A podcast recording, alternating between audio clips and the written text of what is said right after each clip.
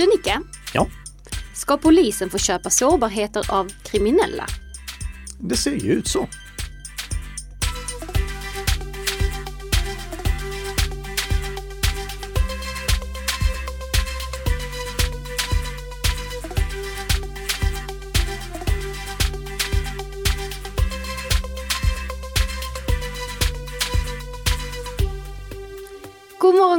Morgon, god morgon! God morgon, morgon Och Tess. god morgon till alla våra lyssnare. Ja, Ja. som förhoppningsvis har en bättre morgon nu än vad jag hade i tisdags. Eh, Jaså, Ja. vadå då?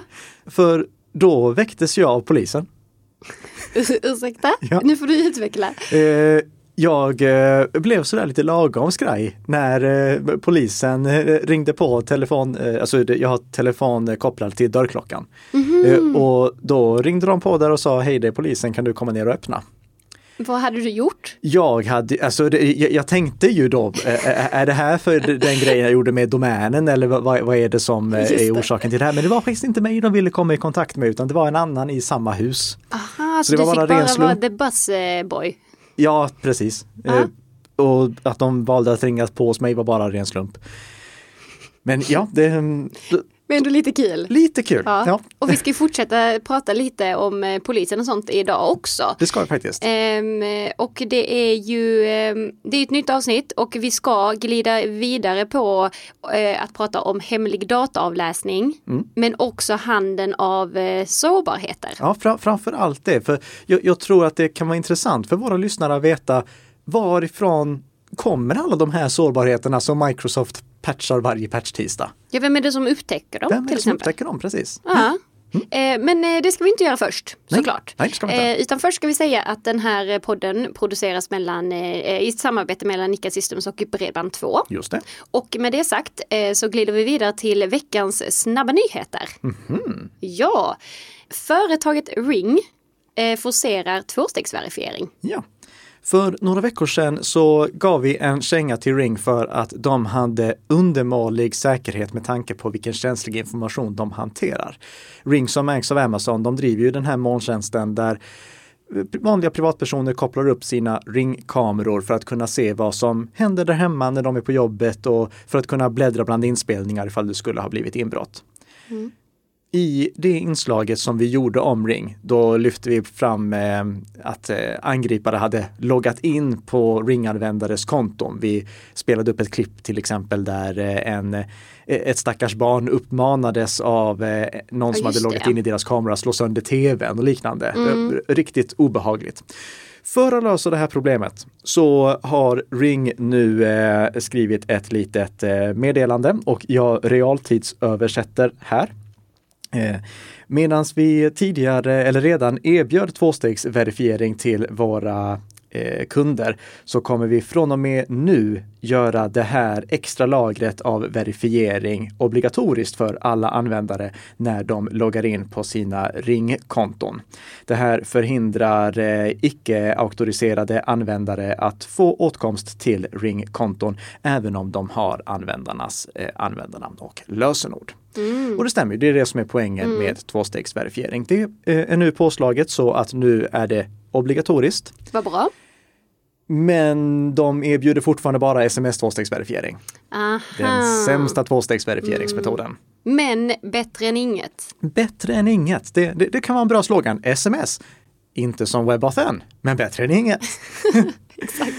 Och vill ni veta varför WebAuthn är så bra så lyssna på förra avsnittet för då pratade vi om det. Jag eh, testade lite snabbt här också med ett ringkonto och jag la då märke till att jag också fick ett mail när jag loggade in i en ny webbläsare som jag inte hade varit inloggad i tidigare. Också ett bra tilltag för att användare ska vara medvetna om ifall någon angripare eller någon som inte ska ha åtkomst till kontot loggar in på det kontot. Okej. Eh, och då ska vi prata om 1177 eh, som firar ett år i år. Firar ett år? Ja, eh, det är i alla fall ett år sedan den här stora 1177-skandalen Just det. hände.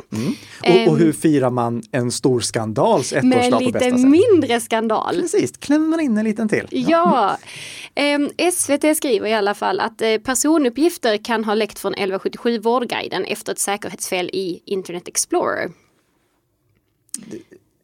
Du ja, säger tveksam ut här. Alltså det, det är inte ett säkerhets, eh, det, det är ett säkerhetsfel i, i vårdguiden på Internet Explorer. Mm. Men i, inte i liksom Internet Explorer i sig. Nej. Eh, men i alla fall vad det handlar om är, F- Försvarade jag Internet Explorer där? jag tror faktiskt det. Måste hålla mig sjuk här. Eh, Men i alla fall, vad det handlar om är att eh, personer som har loggat ut ur e-tjänsterna har stängt eh, webbläsaren och i vissa fall då även startat om sin dator.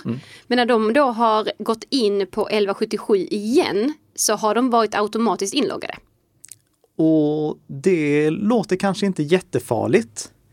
Om man inte tänker på att den inloggningen kanske skedde på en gemensam dator. En biblioteksdator eller en eh, internetcafédator eller någonting sånt. Ja, precis. Då vill man ju definitivt inte att den som sätter sig där sen blir automatiskt inloggad på ens 1177 Vårdguiden-konto. Nej, exakt. Och vi vet ju egentligen inte här, det är ju därför vi säger det, det kan ha läckt uppgifter, vi vet ju faktiskt ingenting Nej. eh, i dagsläget. Eh, Ja, Jag skulle säga vi vet några saker. vi vet några saker. Ja. Ja. Vi vet datumen som det här var en potentiell sårbarhet. ja, just det, det vet vi. De, de såg jag någonstans. Det är mellan den eh, 5 januari och 27 januari. Ja. Och sen vet vi också att du inte under några som helst omständigheter ska använda Internet Explorer. Och där säger faktiskt 1177 något annat. För om man går in på deras hemsida så Ja. har de så här eh, tekniska krav. Mm. Eh, och då står det bland annat att eh, de rekommenderar operativsystemet eh, Windows 7 eller nyare. De- har säkert missat att uppdatera det då efter. Det, Windows 7 gick ju ur tiden nu för en månad sedan. Ja, det, kan, det är ju en olycklig grej. Ja. Eh, Men, men- för alla våra lyssnare, ni vet vid det här laget Mm. att Windows 7 får man inte använda. Precis. Ehm, men i alla fall för PC då så rekommenderar de bland annat Internet Explorer 9 eller nyare som webbläsare. Nej, Jo, nej, det är sant. nej, Det är så sant. det är helt orimligt. Ja, eh, så det blir ju ganska, ganska ironiskt här egentligen att, att eh, den här sårbarheten eller problemet är då här eh, med Internet Explorer och att de Och en faktiskt gammal version av Internet Explorer då Ja, dessutom. det också. Och att man då rekommenderar den här webbläsaren. Ja, eh, Vårdguiden, uppdatera den där sidan. Det, ni har nog missat att eh, det har hänt saker där. Och ni, eh, ni som lyssnar på podden, använd aldrig eh, Internet Explorer. Och ett bonustips kan vi också slänga in här. Och det är att om du använder en publik dator. Jag, jag avråder ju normalt sett att överhuvudtaget logga in på publika datorer för att man vet aldrig vad det finns för spionprogram och liknande på dem. Men om du gör det, för ibland måste man göra det, det då rekommenderar jag först och främst att använda en säker webbläsare, Google Chrome eller Mozilla Firefox. Och eh, se till att använda inkognito-läget eller privacy-läget där inte inloggningsuppgifter cachas, där inte surfhistoriken sparas. Eh, så minimerar du den här typen av risker också. Men eh, om du någon gång loggar in på en dator som du inte har full kontroll över så måste du vara medveten om att risken finns att det finns spionprogram på den. Och med det sagt så är det dags att eh, traska vidare till veckans eh, huvudämne. Ja, Ja, du skiner upp Annika. mm. det, men det, det här tror jag många kommer tycka är spännande. Ja, absolut. Um, ska vi börja glida in på bakgrunden till varför vi ska prata om det här idag? Det kan vi göra. Mm. För våra kära poliser, de eh, har problem med att kunna avlyssna kriminella. När vi ringde över traditionella analoga telefonlinor, då var det lätt för polisen att avlyssna. Nu när allting är digitalt och krypterat, då är det mycket svårare. De kan därför inte avlyssna konversationer som de anser sig behöva kunna avlyssna. Ja. Man kan säga att hela den här diskussionen som har lett upp till det här förslaget är program som Signals fel. För som vi har pratat om är Signal en, en fantastiskt bra app. Jag vet inte alltså, om det är någon lyssnare som inte har börjat använda den redan så rekommenderar jag er att göra det. Eh, men eh, en fantastiskt bra app som eh, har det som kallas end-to-end kryptering. Det innebär att när jag skickar ett meddelande till Tess så går det krypterat från min mobiltelefon hela vägen till hennes mobiltelefon och det är först där det dekrypteras och det kan enbart dekrypteras av hennes mobiltelefon. Mm. När Tess svarar mig, då krypteras det på hennes mobiltelefon och det skickas till mig i krypterad form och det är först hos mig det dekrypteras och det är bara min mobiltelefon som kan dekryptera det. Mm, så det är ingen annan som kan ta del av informationen? Inte ens Signal kan göra det, Nej. så det finns liksom ingen mellanhand här som det går att eh, säga vi behöver kunna inspektera den här konversationen. Mm. Eh, och om polisen skulle säga ja, eh, de här två personerna, vi måste kunna se meddelandena som går till och från dem. Då får Signal bara svara ja, men det går ju inte. Nej. Och, och, det är alltså inte en policy som säger att Signal inte kan ge polisen åtkomst till det. De kan inte det rent matematiskt. Mm. Det, det, går inte. Så nu finns det då ett lagförslag som ska röstas om idag, ja. Eh, den 19 februari får jag tillägga här. Ja, som kommer gå igenom. Som kommer gå igenom om att polisen ska kunna avlyssna. Ja, och det går ju då inte att eh, lagstadga att de ska få göra någonting som är matematiskt omöjligt. Nej, eh. Nej precis. Så hur, hur, kan man, hur kan man göra detta? Hur kan de få tag på den krypterade informationen eller dekryptera den? Jo, de kan aldrig dekryptera Nej. den. Utan det de måste göra, det är att komma åt informationen när den har blivit dekrypterad. Okay. Och det är ju på våra respektive enheter. Mm.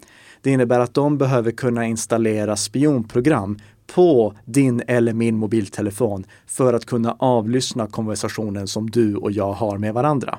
Mm. Om de lyckas in installera ett spionprogram på din eller min telefon, då kan de avlyssna den konversationen. För att informationen måste ju dekrypteras för att du och jag ska kunna förstå den överhuvudtaget. Mm. Så de måste liksom komma hela vägen till, de, eh, till liksom endpointsen, till slutändarna i konversationen. Mm. Där måste de infektera.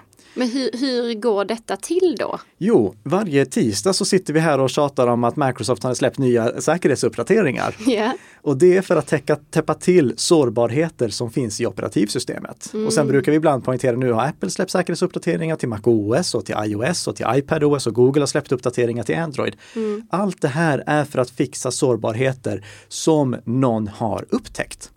Och de som upptäcker det kan antingen vara anställda på de här företagen mm eller så kan det vara någon typ av hacker. Och här, du, du, vet jag brukar använda termen angripare när jag pratar om ja, illvilliga personer. Ja. Och det är för att hackers, det finns både goda sådana mm. och onda sådana. Mm. Och så finns det de som är lite ambivalenta och vet, vet inte om de är goda eller elaka. Och det, det, kan man ju benämna med olika white hat, eh, black hat, grey hat. Exakt. White hat hackers eller ethical hackers, de är mm. snälla. Mm. Eh, black hat hackers, de är onda. Och grey hat hackers, de vet inte riktigt vad de är. De står med ett ben i varje läger. Ja, exakt. Men uh, white hat hackers, de uh, är utvecklare och de hittar ibland sårbarheter i applikationer. Mm. Och när de gör det då har de möjlighet att rapportera det till de som underhåller mjukvaran. Så om de hittar en sårbarhet i Windows, då hör de av sig till Microsoft. Hittar mm. de en mm. sårbarhet i MacOS, då hör de av sig till Apple. För de driver det som kallas Bug Bounty-program. Där de betalar eh, White Hat Hackers för att få reda på sårbarheter som finns i deras system så att de kan åtgärda det. Mm. Och de här Bug Bounty-programmen, där går det liksom att få allt från typ 100 dollar till flera hundratusen beroende på vad det är för typ, 100 000 dollar beroende på vad det är för typ av sårbarhet som eh, man har upptäckt. Mm. Och det finns de som försörjer sig på white hat hacking. Alltså de sitter bara och inspekterar programvaror och hittar sårbarheter i dem och när de hittar sårbarheter så rapporterar de sårbarheterna och cashar ut på det. Mm. Och det är ett väldigt eh, billigt sätt skulle jag säga för organisationer som Microsoft, Apple och company att få hjälp att hitta sårbarheter i deras mjukvaror.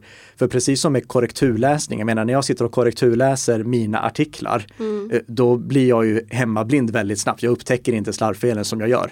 Eh, Hej Laban för övrigt, för tack, eh, tack för hjälpen med korrekturläsningen av en artikel som jag hade slarvat väldigt mycket i.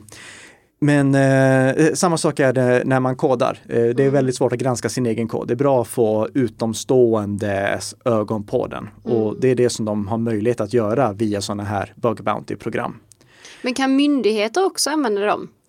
Eh, myndigheter får troligtvis inte kännedom om de här sårbarheterna före eh, White Hat-hacken har mm. rapporterat det till den berörda organisationen Okay. och organisationen har släppt en säkerhetsuppdatering som åtgärdar det. Mhm. Du vet det här jag tjatar om att kom ihåg att installera säkerhetsuppdateringarna. Ja. Mm, Ja. det, ni brukar höra det en gång i månaden åtminstone i den här podden. Sluta tjata. Ja, det, det är för att då har eh, Microsoft eller någon av de andra Mm. släppt uppdateringar som åtgärdar sårbarheterna. Och det går inte att åtgärda sårbarheterna utan att samtidigt peka på ungefär var sårbarheterna ligger. Mm. Det är det som gör att angriparna snabbt eh, liksom kollar på, okej vad är det som har ändrats här och så upptäcker de, oh det har ändrats och det har ändrats. Och alla de sårbarheterna är ju då öppna på de datorerna som inte har installerat de senaste uppdateringarna. Mm. Om ni kommer ihåg från förra avsnittet där jag gick igenom patch-tisdagens uppdateringar, då berättade jag att det fanns en attack som redan användes Ja. eh, och så berättade jag att det var fem stycken som redan var publikt kända. Mm. Och det, det är just det. När eh, Microsoft släppte de här säkerhetsuppdateringarna nu eh, senast, då var det fem stycken sårbarheter som redan var kända för myndigheter och för Mm. kriminella att använda.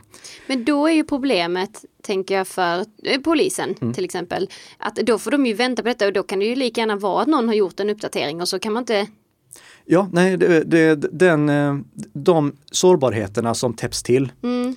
Det blir som en kapplöpning här. det är, det är fantastiskt bra liknelse. Det, det är precis vad det är. Det, det, det är en kapplöpning om att, eh, om att utnyttja dem. Mm. Det finns dock ett sätt till som polisen kan få tillgång till det.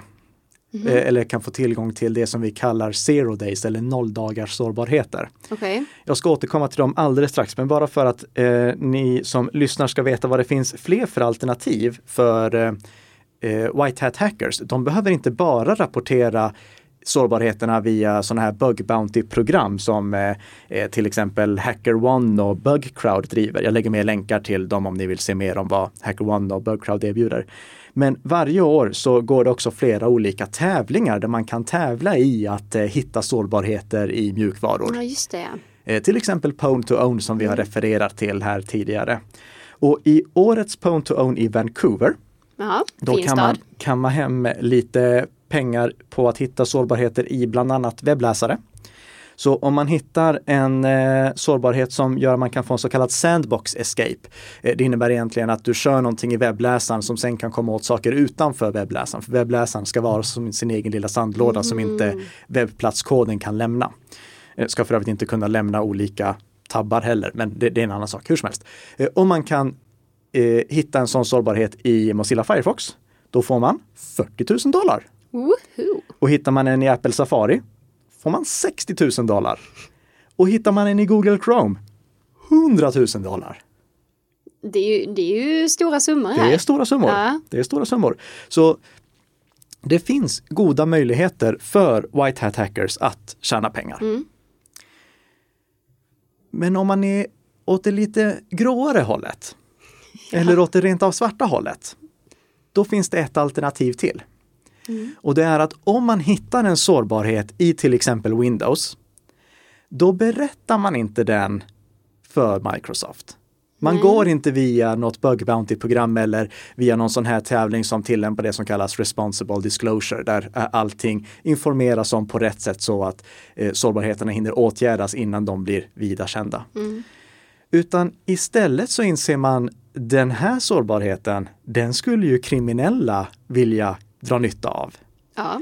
För då skulle de kunna infektera datorer. Eller den här sårbarheten skulle myndigheter vilja ha för att kunna infektera datorer och mobiler via sårbarheter som inte Microsoft eller Apple eller Google känner till och därför inte finns någon patch till. Det här är det sättet som troligtvis polisen kommer få använda för att få tag i kännedom om sårbarheter att utnyttja. I alla fall om de vill kunna attackera duktiga kriminella.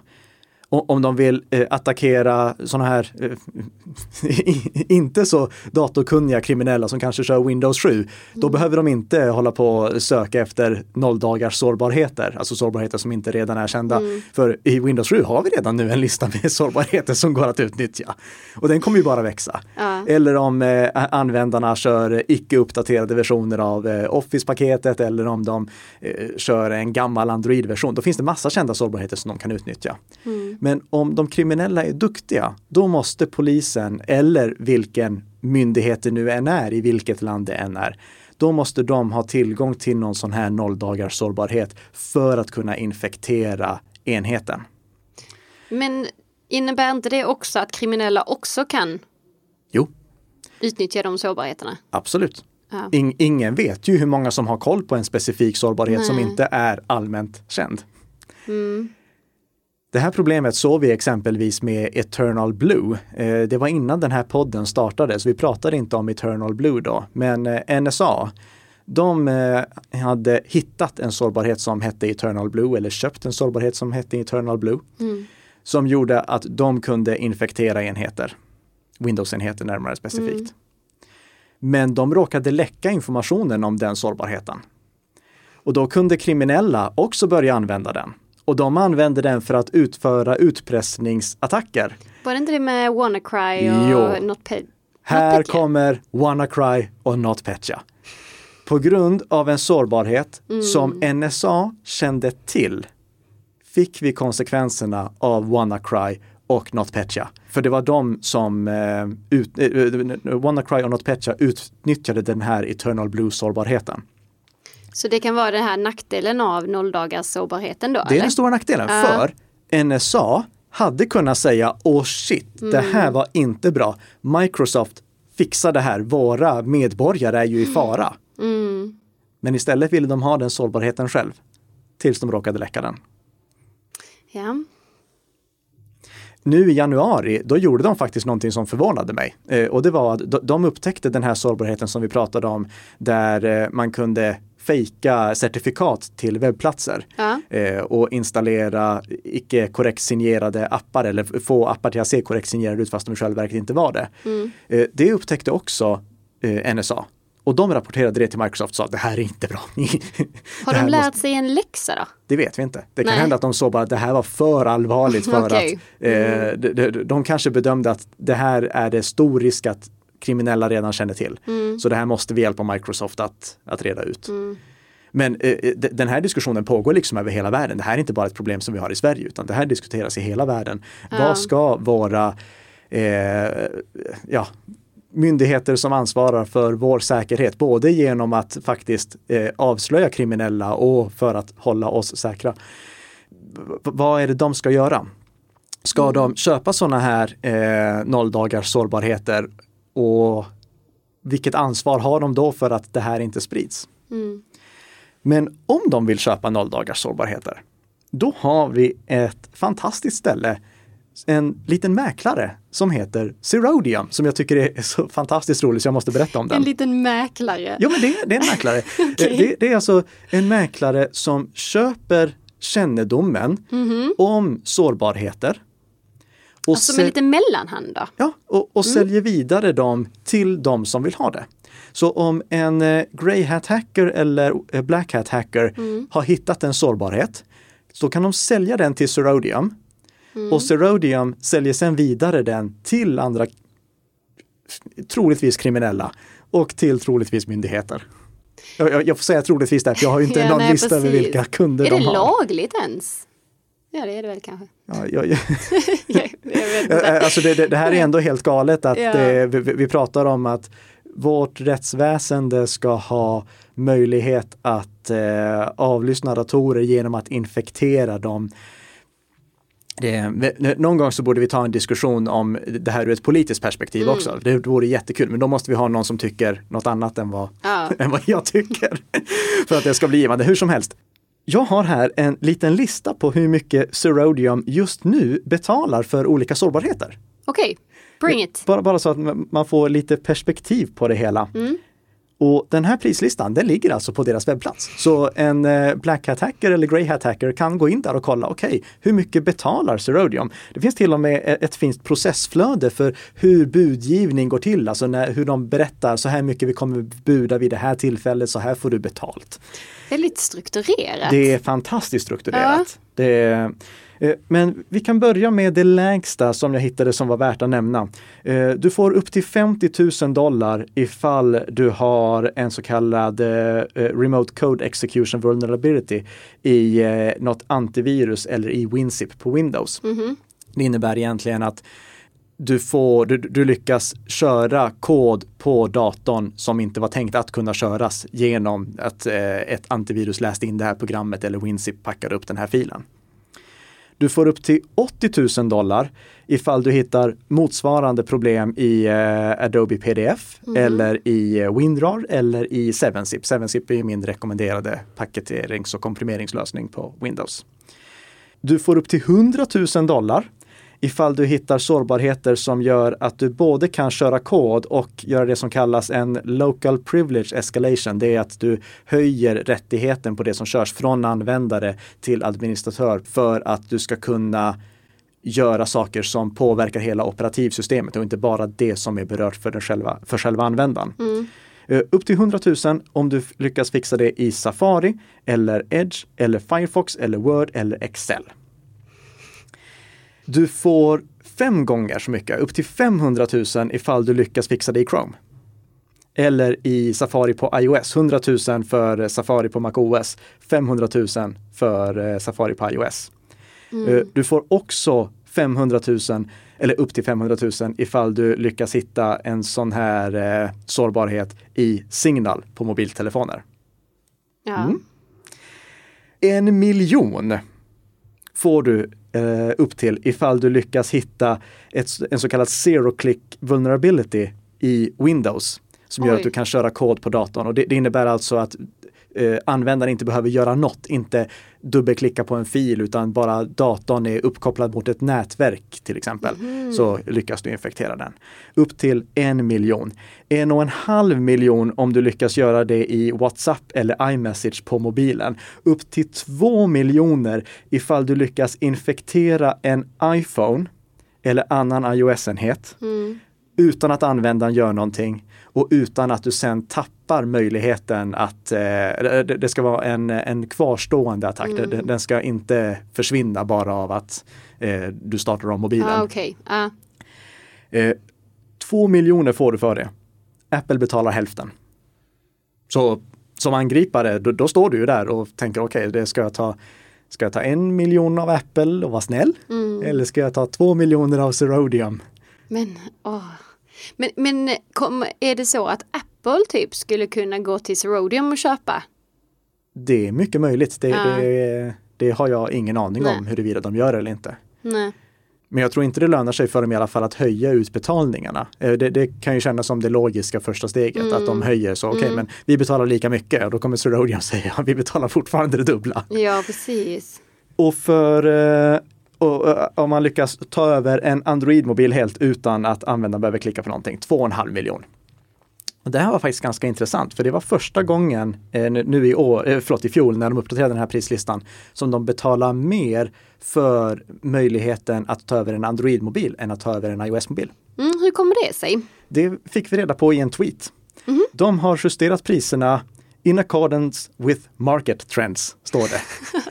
Så eh, eh när ja. de sätter priserna som de betalar, då är det utifrån hur stort intresse har våra kunder för att få tillgång till sådana här sårbarheter. Ändå väldigt logiskt. Ja. Och det, är det som vi ser också att vissa saker är mer populära än andra. De betalar till exempel mer för en eh, Chromium-sårbarhet eh, än en Firefox-sårbarhet. Mm. Troligtvis för att det är fler som kör Chrome och Chromium-baserade webbläsare. Eh, så det, det är det, den klassiska eh, marknadsgrejen med eh, efterfrågan och utbud. Det, när det är ett eh, lågt utbud på sårbarheter, då får man mer betalt för att bidra med en sådan. Mm. Huruvida polisen köper de här sårbarheterna eller inte, det kan vi bara spekulera om. Jag vet inte om polisen är kund hos Rhodium. Men det är, om vi kollar ur ett internationellt perspektiv, en lösning som eh, myndigheter får ta till ifall de vill få tillgång till sådana här zero days, alltså sårbarheter som inte är åtgärdade. Utan att ha kopiösa resurser själva för att hitta de här sårbarheterna. NSA har säkerligen resurserna att hitta sårbarheter själv. Men alla länder har inte det. Och då är det den här marknaden som står till buds. Ja, vi får väl se nu här efter, eh, efter eh, röstningen helt enkelt också vad, vad som händer. Ja, det, det skulle väl vara test i fem år eller något sånt först i alla fall. Precis. Och utvärderas efter det. Ja. Så får vi se hur, mycket, hur många kriminella som faktiskt åker dit på det här. ja, det och hur mycket det kostar liksom. Ja. Och jag, jag har ingen aning, det kan hända att polisen inser att ja, men alla de här kriminella som vi är ute efter är tekniskt inkompetenta idioter. Så det, det, det är liksom bara, men här, ta den här exe-filen och kör den på din dator. Precis. Ja, det får framtiden utvisa. ja. Ja, eh, vad, eh, vad har vi ens yret på Nicke? Eh, vi eh, har dragit över tiden. Ja, det är såklart vi har gjort det. Ja. Ehm, så att eh, vi, eh, vi får väl helt enkelt eh, avrunda och eh, säga att eh, tack för att du har lyssnat. Ja, Eh, och att eh, kom ihåg att prenumerera på eh, podden. just det. Ställ eh, lyssnarfrågor i olika sociala kanaler och så vidare. Mm. Och önska dig en riktigt trevlig helg. Det var en bra sammanfattning. Var det det? Ja, ja det var precis vad jag skulle vilja säga också. härligt. ja, men eh, ja, ha det gott! Hej då!